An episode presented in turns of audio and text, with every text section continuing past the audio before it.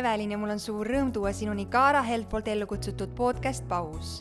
Siin podcastis on fookuses erinevad teemad naiseks olemisest ja emaks kasvamisest ning seda tõetruult, teaduspõhiselt ja hinnangute vabalt.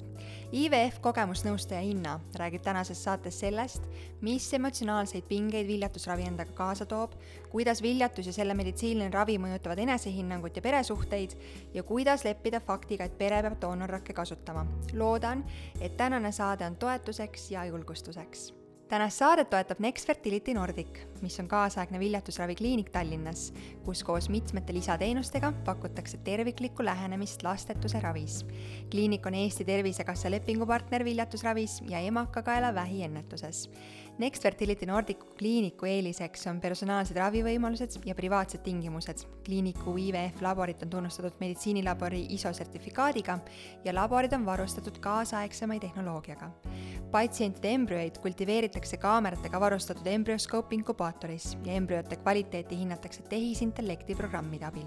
kliinikul on oma biopank, kus säilitatakse patsientide sugurakke ja embrüoid lisaks on biopangas suur valik doonormunarakke ja doonorseemnerakke, et aidata neid patsiente, kelle enda sugurakkude kvaliteet on langenud. toetavate lisateenuste hulka kuuluvad näiteks kogemusnõustamine, psühholoogiline nõustamine, geeninõustamine ja raseduse jälgimine sooduskoodiga Kaara Next saad kuni augustikuu lõpuni kümme protsenti soodustust esmase viljatusravi arsti vastuvõtult ning samuti ka seemnerakkude baasuuringust. ent nüüd head kuulamist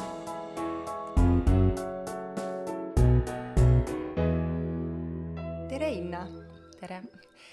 Ehm, see teema, mis meil täna saates fookuses on eh, ehk eh, viljatusravi ja IVF mm, -hmm. sul on sellega oma lugu ja võib-olla mhm. selleks, et me siin, et sa saaks, saaksid kogemusnõustajana seda -hmm. teemat edasi rohkem avada, siis võib-olla sa räägid, kuidas sa sellesse valdkonda jõudsid, mis sinu enda lugu sellega on mm? -hmm.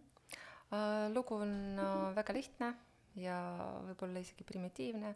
Ma olin kunagi Äh, IVF äh, patsient ja mul on oma taastamislugu. Äh, ja see võttis liiga palju aega, mul taastumine. nüüd, kui me pakume meie kliinikus kogemusnõustamist, ma näen küll, no ja ma usun siiralt, et meie patsientidel taastumine võtab palju vähem aega ja see on väga põnev. mida sa taastumise all silmas pead? Tulla toime oma edasise eluga. nii lihtne see ongi. emotsionaalselt? absoluutselt. mis, mis tunded sind äh, võib-olla esmalt valdasid, kui, kui sa said selle informatsiooni, kui see võimalus lauale tekkis, et äh, viljatusravi on miski, millega sa kokku pead puutuma? no see oli suur šokk esialgu ja mul võttis äh, väga palju aega, nüüd ma võin öelda, et esimene etapp nüüd ma tean, et see on esimene etapp, äh, võttis väga palju aega sellega leppida ja edasist sammu teha. sest see esimene, see leppimine oma diagnoosiga on äh, kõige olulisem ja kõige raskem. et ähm, hakkab tekkima süütunne ähm,, see eitamine kui ma ütlesin endale, et minuga ei saa seda juhtuda. see võttis mingi, ma ei tea, kolm aastat võib-olla ja tol ajal kogemusnõustamist veel ei ole olnud ja psühholoogi juurde ma ka ei soovinud minna. no kuidas, ma olen tugev Eesti naine, ma saan ise hakkama äh,, nagu praegu ka paljud patsiendid ka räägivad muidu äh,. Ikka täna on palju rohkem inimesi, kes saab aru, et äh, spetsialisti juurde minek on väga normaalne asi, väga loomulik asi. miks sa arvad, tuues siia sisse üldse selle abi küsimise või julguse kellegi poole pöörduda, miks on inimestel nii raske pöörduda spetsialisti poole just abi äh, küsima? no see on selline valulik teema, see on väga selline mm, kuidas ma võin öelda, raske rääkida sellest, et et ähm, raske rääkida oma kompleksitest. Ja raske rääkida sellest, et ähm, oma süütunnest, sest mõned naised äh, arvavad nagu minagi muidu kunagi, arvavad, et äh, ma olen poolnaine äh,, ma ei saa täieslikku pere luua, et äh, seda tunnistada isegi endale raske, mitte nii, et sa räägid veel kellegagi sa tõid välja selle, et see esimene etapp on kõige raskem ja kõige pikem. jah, süütunne, eitamine äh,, aga see ei ole kõik äh,, lapse saamine on kahe äh, partneri omavaheline protsess ja see ei ole ainult naise emotsioonid ja naise tunded, seal tihti on ka äh, kaaslase tunded mängus. kui palju sa näed seda, et nõustajana sa pead äh, lisaks äh, sellele emale või tulevasele emale püüdma aidata ka isa? no tihtipeale, sest naised ei räägi väga siiralt oma meestega ka mõnikord. Nad üldse ei räägi. selles probleem ongi selleks kogemusnõustaja ongi et ähm, sellest on raske rääkida mm, isegi mehega äh, ja isegi sel juhul, kui äh,, kui perel on mehepoolne viljatus äh,, seda enam. Mm, tegelikult äh, lähedaste roll on äh, väga oluline ja peavad kindlasti olema tugiisikuid, kellega mm, saab oma probleemidest rääkida äh,. mõnikord samas äh, me ei näe neid inimesi Äh, neid on kindlasti olemas meie elus, aga meile tundub, äh, et nad ei hakkagi meid kuulama. et ikka meie kompleksid võidavad. Äh, mul on üsna palju patsiente, kes olid mulle tänulikult peale väga lihtsa soovituse, nagu ülilihtsa, ma soovitasin ainult rääkida muredest ja hirmudest oma noh, kas sõbrannaga või mehega või õega ja läbi selle vabaneda sellest valusatest saladustest ja muidu ma pean ütlema, et kogemusnõustaja ei tohi midagi soovitada, päris soovitada. see ei ole ta pädevuses. Aga koolitustel räägitakse muidu sellest väga palju, aga see ei tähenda, et äh, ma rikun mingisuguseid reegleid või midagi sellist. Äh, see tähendab, et ma lihtsalt räägin oma lugu nii, et äh, patsient loeks sealt minu soovitusi ise välja. Ja üks nendest patsiendist rääkis oma õega, teine mehega, kolmas sõbrannaga. Ja tuli pärast välja ja tõde, äh, kes tundus väga selline ükskõikne ja oma perele, oma lastele fokusseeritud, äh, tuli välja, et ta on väga empaatiline ja on valmis alati appi tulema. ta lihtsalt peab teadma, et appi peab minema. ja tuli välja, et sõbranna äh, sõbrannal on tegelikult äh, samuti probleemid rasestumisega ja ta samuti lihtsalt on kartnud sellest avalikult rääkida. E, ja ühesõnaga selgus, et maailm on palju sõbralikum ja naine ei ole üksi oma hädas ja elu ei ole äkki nii ebaõiglane. see tugi äh, ongi vist sellistel rasketel hetkedel elus kõige-kõige olulisem mida, mida enda, enda ümber saada.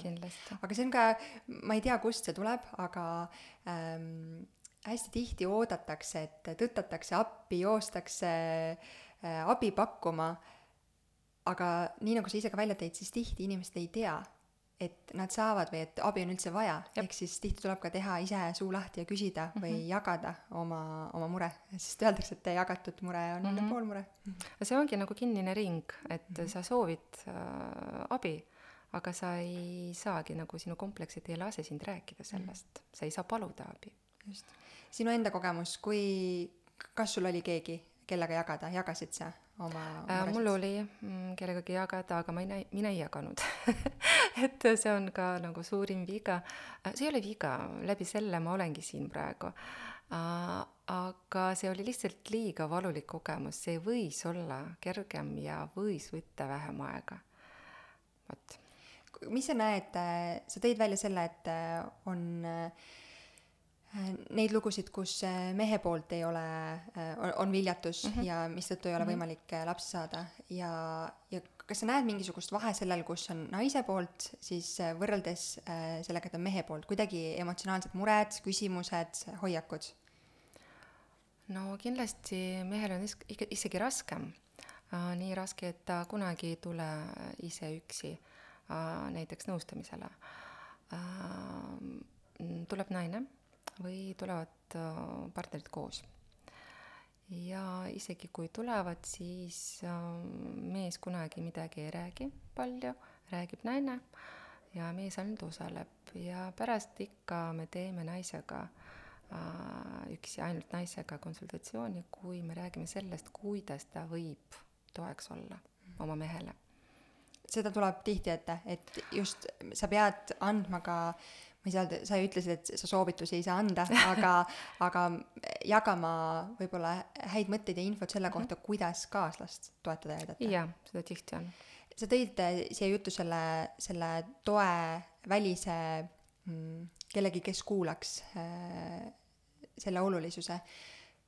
mis sa võib-olla oskad soovitada või öelda neile, kes on selles äh, kõrvalolija rollis ja kelle juurde sõbranna läheb oma jutu ja diagnoosiga? Kuidas, kuidas sa seda inimest toetaksid äh,, kes on selles olukorras? no kõigepealt kõige olulisem on see, et äh, inimene peab olema noh, teadlik, et ta ei ole üksi, kindlasti.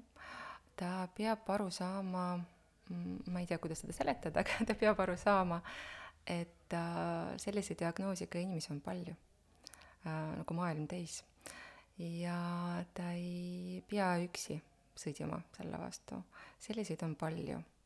ja paljud nendest, kel sel diagnoos, selline diagnoos olemas, näevad välja väga edukad, väga ilusad, väga noored ja tublid naised Äh, kes samuti kas ei räägi sellest või neil on oma kompleksid, ma olin ka väga energia täis, äh, noh, mingil määral oma karjääri äh, teinud, ilus naine, kes ei rääkinud absoluutselt kellelegi ja kui pärast, kui ma hakkasin rääkima, ma tundsin sellist kergsust, mul oli nii kerge sellest rääkida, et mul oli äh, mm, täpselt äh, nagu, kuidas ma ütlen, no nagu kaks poolust, kui inimene üldse ei räägi sellest, eks ole, et tõmbab endasse kõike.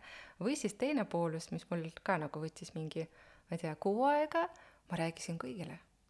ma rääkisin, ma karjusin sealt maailmale, mul oli nii tore ja põnev, et mind ei huvitanud niimoodi egoistlikult, mind ei huvitanud, mis arvavad inimesed minust, absoluutselt oli vabastav. jaa, tere, mina, näiteks kui inimesed on absoluutselt võõrad, me tutvume no umbes nii nagu tere, ma olen Inna, ma olen Viljatu. no umbes. ma natuke utreerin praegu, aga mitte väga palju. väga palju ma praegu ei liialda. ja ma mäletan neid uh, suured silmad inimestel nagu, mis ta räägib ja mul oli nii vahva seda näha, ma olin, ma tundsin ennast nii tubli, et tõesti, see vabanemine, kõige olulisem asi praegu et esimesel etapil kindlasti, et leppida kokku sellega, et selline sa oled. kõik, peab sellega edasi elama, edasist sammu ette võtma, kui sa tahad. kui sa ei taha, see on lihtsalt leppimine ja sa ei teegi edasist sammu.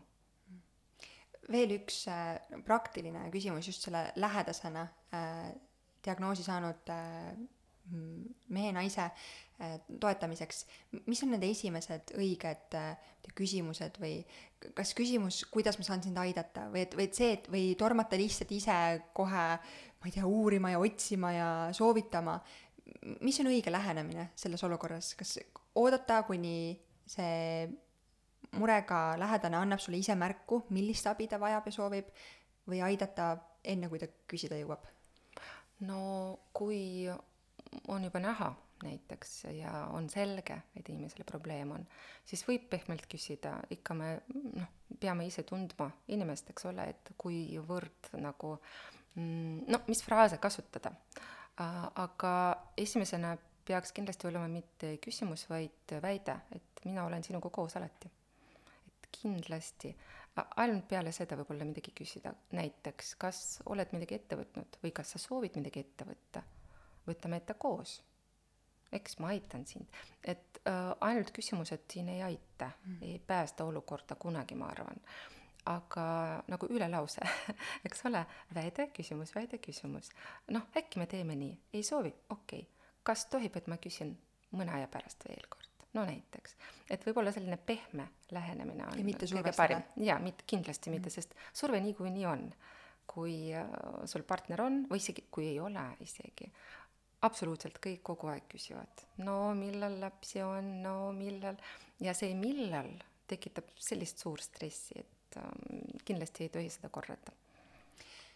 Pered ja, ja need lood, kuidas jõutakse diagnoosini, on hästi erinevad, ma kujutan ette, et mõned teavad juba ähm, kas see on varem uuringute käigus tulnud kuidagi välja, enne kui üldse suhe on alanud või enne kui üldse on jõutud selle arusaama ja soovini laps saada, aga neid, kes pikalt proovivad ja proovivad ja siis jõuab see diagnoos ja, ja reaalsusmoment, et võib-olla see ei olegi võimalik. kas need lood emotsionaalselt äh, ka kuidagi erinevad või, või vajavad erinevat tuge?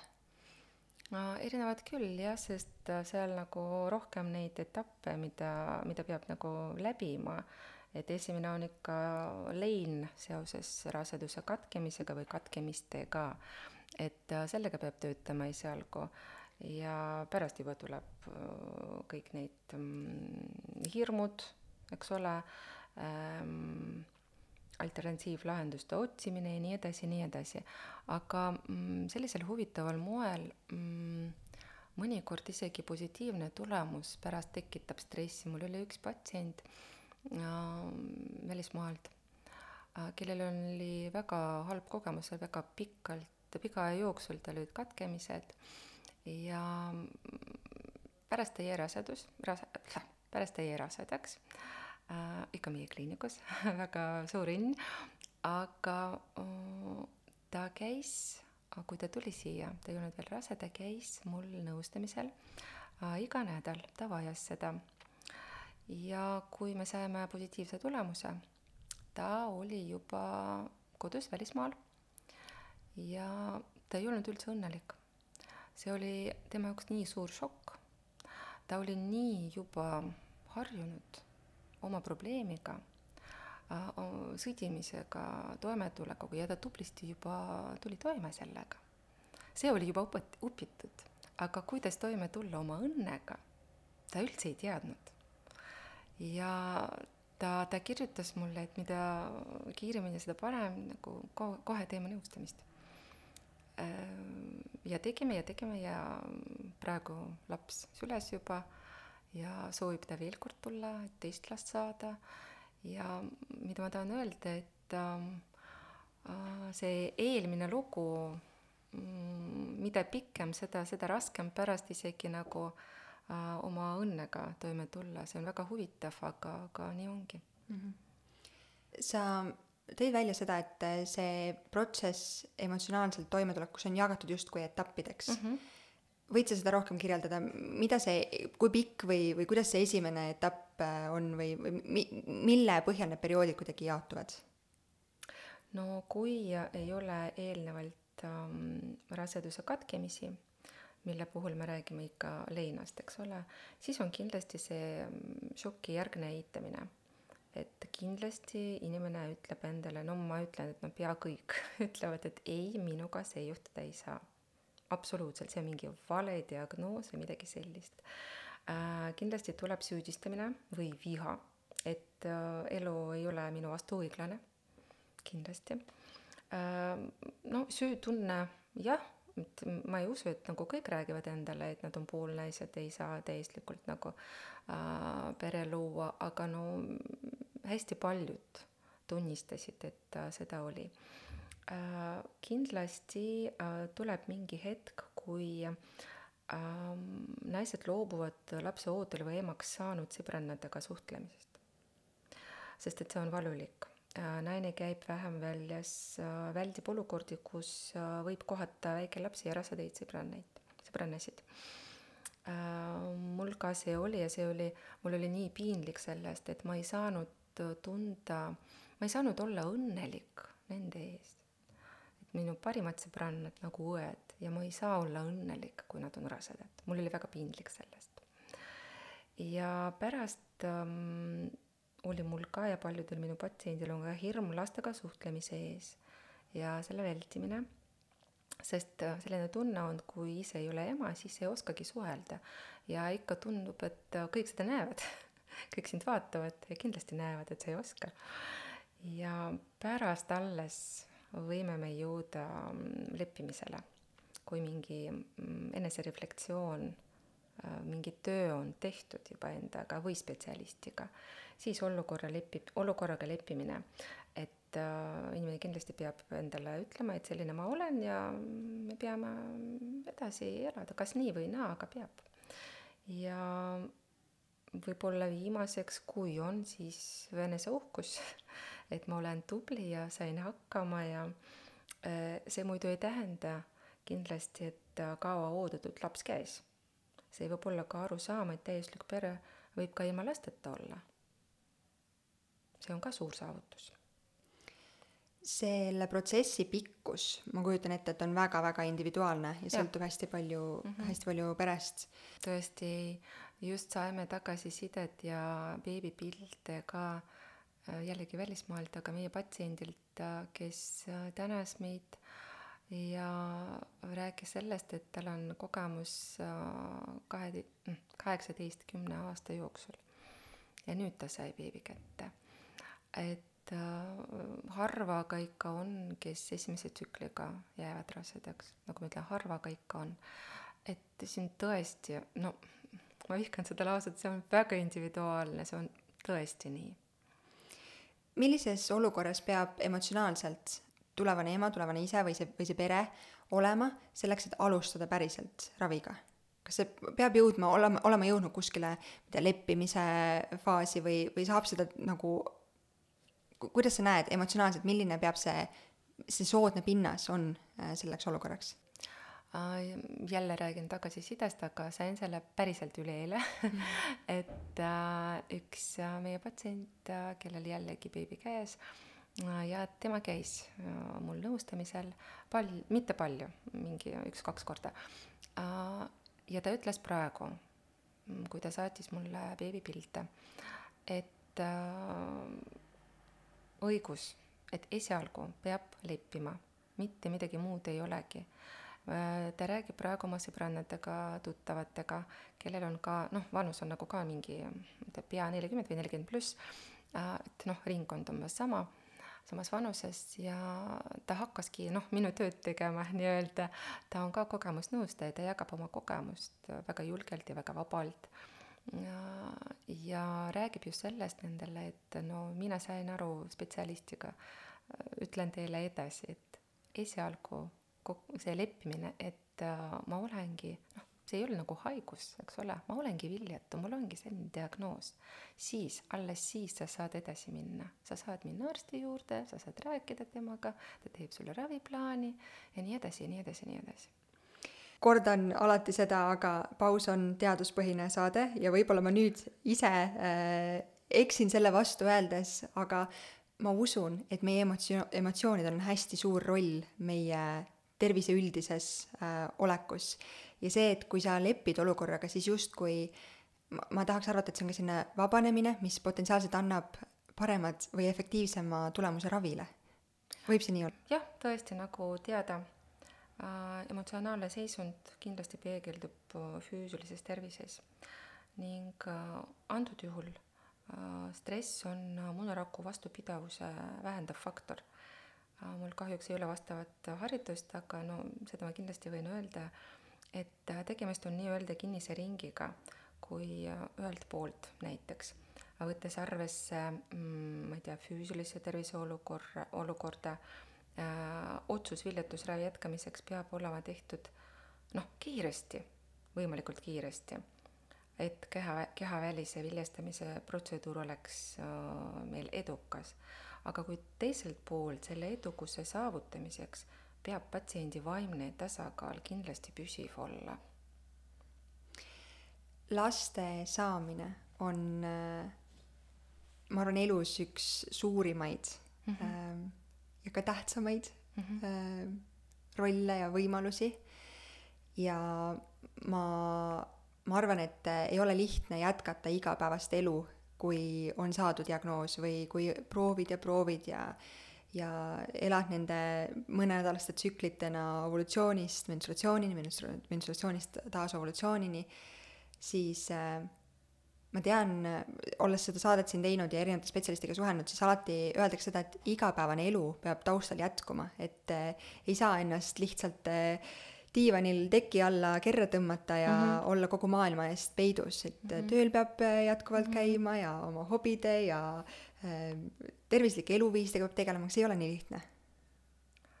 see on üliraske absoluutselt. ja sellest räägivadki kõik patsiendid absoluutselt, et äh, ma ei tea, kuidas elu jätkata sellega. et äh, ongi ähm, tavaelu ei tundu enam äh, nii lihtne ja automaatselt ei, midagi ei toimu. sa tunned, et sa pead nüüd kõik tegema, mis nagu eile oli lihtsalt automaatselt tegevus, eks ole. et nüüd sa kogu aeg keerad ja keerad ja keerad mõtetes midagi muud ja ei saa normaalselt elada, ei saa normaalselt töötada muidu. töösuhtes selles mõttes kõige rohkem mulle kurdavad patsiendid, et ma ei saa tööd teha, ma ei saa kontsentreeruda. ja ma tegin karjääri ja mulle see nii meeldib praegu, minu töö, aga ma ei saa hakkama et äh, see segab tõesti väga. kas on mingeid praktilisi nõuandeid? no kahjuks äh, väga elementaarsed, nagu, nagu jooga, nagu hingamistehnikat ja nii edasi, nii edasi, et nagu äh, peab, iga inimene teab, millest ta naudib, eks ole. et äh, peab siis äh, pigem sellega tegelema et äh, selle rõõmu osakaal on ikkagi ka väga-väga oluline. nii kaua, kui sa noh, unustad sellest, et äh, see on ainult sinu diagnoos, et ainult sina sellest sõdid, et jällegi ähm, sajas kord ma ütlen, et kui sa lepid, nii kaua sa pead siis ähm, proovida nautima kõigi jaoks, aga vot ma ei saa meeste eest rääkida, aga mul on tunne, et eriti naiste jaoks see enesehinnangu langus Äh, võib olla väga rusuv ja, ja laastav mm. -hmm. aga enesehinnang äh, tundub, et võib saada väga suure äh, põntsu diagnoosiga viljatuse osas. no kindlasti. Nagu ma rääkisin oma kogemusest, kui ma hakkasin vabanema oma kompleksist, mm, kui ma tundsin, et rääkimine ongi see ravi ja ma hakkasin rääkima kõigile sellest Mm, miks see oli põnev, see oligi äh, tore tunda, et ma just vabanen oma kompleksitest. ma just äh, nagu tulen tagasi oma normaalsesse ellu. ma nagu taastun. ma olen jällegi jah, viljatu, aga olen jällegi seesama vana Inna, kes äh, eile oli energia täis aktiivne äh, Äh, tea, pereliige, ühiskonnaliige ja nii edasi, nii edasi. Äh, sellepärast ma karjusin sellest, aga see mul tuli välja juhuslikult, eks ole. vot kui inimene ei tea, mida teha, siis kahjuks ta peab kas rääkima oma lähedastega või siis tulema meie juurde, kogemusnõustaja juurde. kui viljatusravi on edukas ja see lõpeb äh, beebiga kätel ja, ja selle mm -hmm. ema ja isa tiitliga ja kõik ja. on justkui väga hästi, siis äh, väga paljud võtavad äh, uuesti seda tee ette. Kas sa näed, et, et kui teadlikult juba minnakse teist või kolmandat või mitmendat korda sinna protsessi, et siis emotsionaalselt justkui takistusi, muresid, hirme ei ole või, või on ikka? on natukene, meil ei ole, kohe ütlen, ei ole nii palju sellist kogemust, aga natuke ikka on, me oleme noorkliinik aga ikka on selliseid äh, paare või naisi, kes tulid meile äh, teist beebi saada ja mõned juba said. Ja mured jäävad pigem sellised, et äh, kui oli juba raske sünnitus või oli raske rasedus ja inimene juba olnud sellest teadlik, ta natukene kardab, aga natukene juba kardab jällegi läbi elada selliseid hetki ja proovib äh, küsida nõu, mis teha, et neid vältida äkki. nõustamisest üleüldiselt, ku-, kuidas näeb sellises valdkonnas nõustamine välja, kas see on nii, et äh, istute ühel pool, teisel pool lauda ja, ja see naisterahvas või, või pere, kui tullakse koos äh,, ainult räägivad ja sina noogutad ja siis sa räägid omalt poolt või, või on see selline küsimused-vastused, kuidas see nõustamine üleüldiselt mm -hmm. välja näeb? meil on väga ilus äh, kliinikus, väga ilus äh, ruum, spetsiaalselt nõustamisruum. Lilledega, selline ilus, rahulik väga ilusad tugitoolid ja nii edasi, pehmed. oleks turvaline ja hea absoluutselt ja, ja see on koridori päris lõpus, et võib lõõgastuda mm. -hmm. ja ma alati alustan nii, et äh, me peame valima nüüd suhtlemisviisi.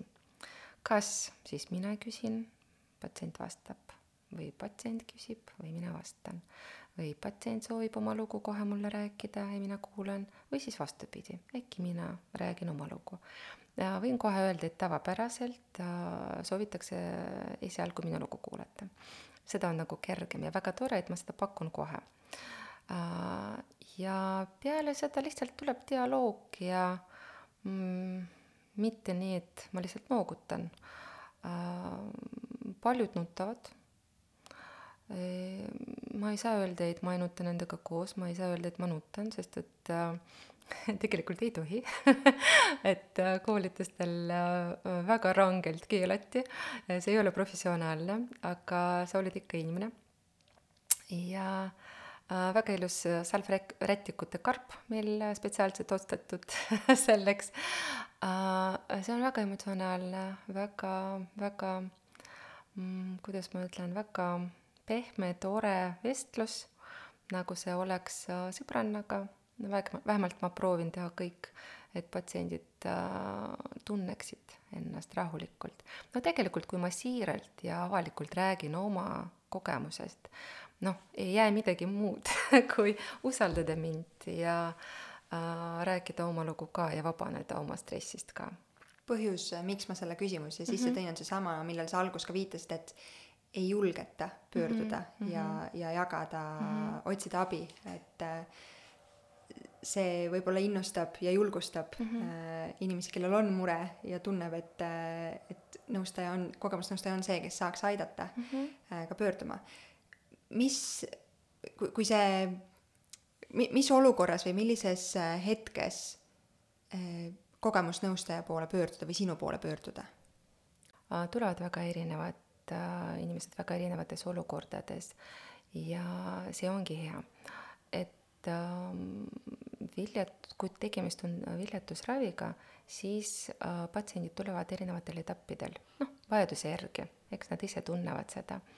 Äh,. kui tegemist ei ole viljatusraviga äh,, mõned tunnevad, et neil on mingisugune hirm selle vastu ja nad võivad tulla lihtsalt seda leevendada, lihtsalt nõust-, see on tõesti nõustamine, nad saavad infot ja nad saavad äh, emotsionaalset tugi ja isegi oli olukordi, kui muidu rääkides meestest, kui tuli meesterahvas ja küsis nõu, äh, mida teha, kui naisel on stress seoses võimaliku viljatuse diagnoosiga.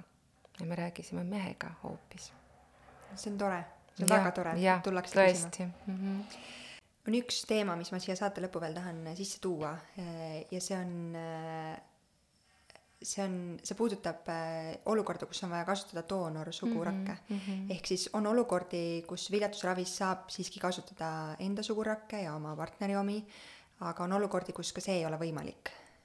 ma, ma, ma ei tea, ma ei saa kellegi eest rääkida, aga ma arvan, et see võib tekitada äh, taaskord emotsionaalselt sellist ebakindlust, hirme, süütunnet ja sellega võib olla veel raskem leppida kui üleüldiselt selle viljatusravi protsessi ja olukorraga. kindlasti nii uh,. ma olen ka kliinikus doonorite koordinaator ja ma nõustan paare või naisi ka uh, seoses doonorrakkude kasutamisega. ja jah, kuna mm, tulevad pigem uh, meile naised, kes on pea nelikümmend või nelikümmend pluss, äh, siis äh, kindlasti doonorrakud on noh, nii-öelda meie teema. ja paljud naised, kes on nelikümmend pluss, ei taha, ei soovi leppida sellega, et äh, jah, midagi muud ei jää, ainult doonorrakud. ja äh, raske leppida sellega, et tegelikult siis äh, laps ei ole bioloogiline laps noh, naise jaoks vähemalt, eks ole, kui on paar, kui äh, nagu mehe jaoks on bioloogiline laps, siis naise jaoks ei äh,. raske küll, aga vestleme, leevendame neid muresid ja kui naine saab aru jällegi, et ta ei ole üksi, et selliseid on palju, et see on tavapraktika, siis kuidagi see ei ole enam nii selline nagu stressirohke nagu elu. ja peale selle siin on ähm, sellised nagu kaalud, kus on nagu ühelt poolt äh, lapse saamine doonorrakkudega või siis teisel pool ilma lasteta jäämine äh,. kui inimene mm, kaalub seda, siis nagu tal on noh, lihtsam otsustada, mida ta tõesti tahab, nagu ma ütlesin juba, kogemusnõustamise nagu eesmärk mitte panema veenma, et kindlasti teeme ja beebi pärast käes ja nii edasi, absoluutselt mitte. kui inimene lepib olukorraga, et ta on viljatu ja tal ei tulegi lapsi, see on ka saavutus. ehk doonormurak-, munarakkude puhul sama lugu, et kui inimene ei ole valmis, kui ta kardab, et ta ei võta pärast vastu seda last, äh, kui ta ei hakka teda niivõrd armastada, ma ei tea, armastama nagu, nagu bioloogiline ema. Äh, kui te, kuigi äh, need asjad, mida ma praegu räägin, need on ainult hirmud, mitte midagi muud, et õnnelikud emad, kes äh, meil sünnitasid doonorrakkudega, on tõesti noh, nad ei suuda seda õnne väljendada sõnadega ja niimoodi kirjutavadki, ma ei suuda, ma sooviksin väga tänada teid, ma ei saa, ma ei oska, mul ei ole sõnu et äh, kui äh, neid näiteid on olemas meie kliinikus, kui me räägime sellest patsientidele, siis on lihtsam otsustada ja paljud ikka otsustavad ikka tulla ja ikka doonorrakke kasutada ja paljud kasutavad ja vot. kui suur roll on mängida ähm, lootusel ja usul, öeldakse, et lootus sureb viimasena. viljatusravis see usk endasse, spetsialistide, arstide töösse, meditsiini arengusse, tehnika arengusse, kõigesse, sellel on oma roll. kindlasti, see ongi see heaolu, see annab selle heaolu ja sa tuled siis toime stressiga, kui sa usud, eks, sul enam stressi siis ei ole, jookseb ära ja sa jääd ainult oma õnnega, oma uskuga, vabandust äh, ja see kindlasti mängib väga suurt rolli. aitäh sulle, Inna! aitäh! kas on äh, midagi, mis äh, sa oma patsientide, nende perede poolt, kellega sa oled suhelnud ja kokku puutunud, midagi, mis on veel esile tulnud, mida me siin saates ei puudutanud, mis on oluline mainida? Äh, ma võiks öelda, et äh, kindlasti ei pea kartma rääkima. et et võib-olla mitte minuga, võib-olla mitte mm, teise kogemusnõustajaga. kindlasti peab rääkima oma probleemist, äh, peab kaaluma, mm, kellega, aga kindlasti peab ja see suur vabanemine ja sellest vabanemisest on pärast suur õnn ja suur äh, uhkuse tunne, et ma olen seda teinud ikka. ma ei saanud, ma mõtlesin, et ma ei saa, ma ei suuda, ma ei oska, aga ikkagi inimene saab ja oskab ja suudab, eriti naine. see on hea mõte, millega see saade täna lõpetada, aitäh sulle nende jagatud mõtete eest. ma olen enam kui kindel, et see saade on toeks ja julgustuseks äh, neile, kes täna või, või kunagi tulevikus peavad äh, mingil põhjusel selle tee ette võtma. suur aitäh! tšau!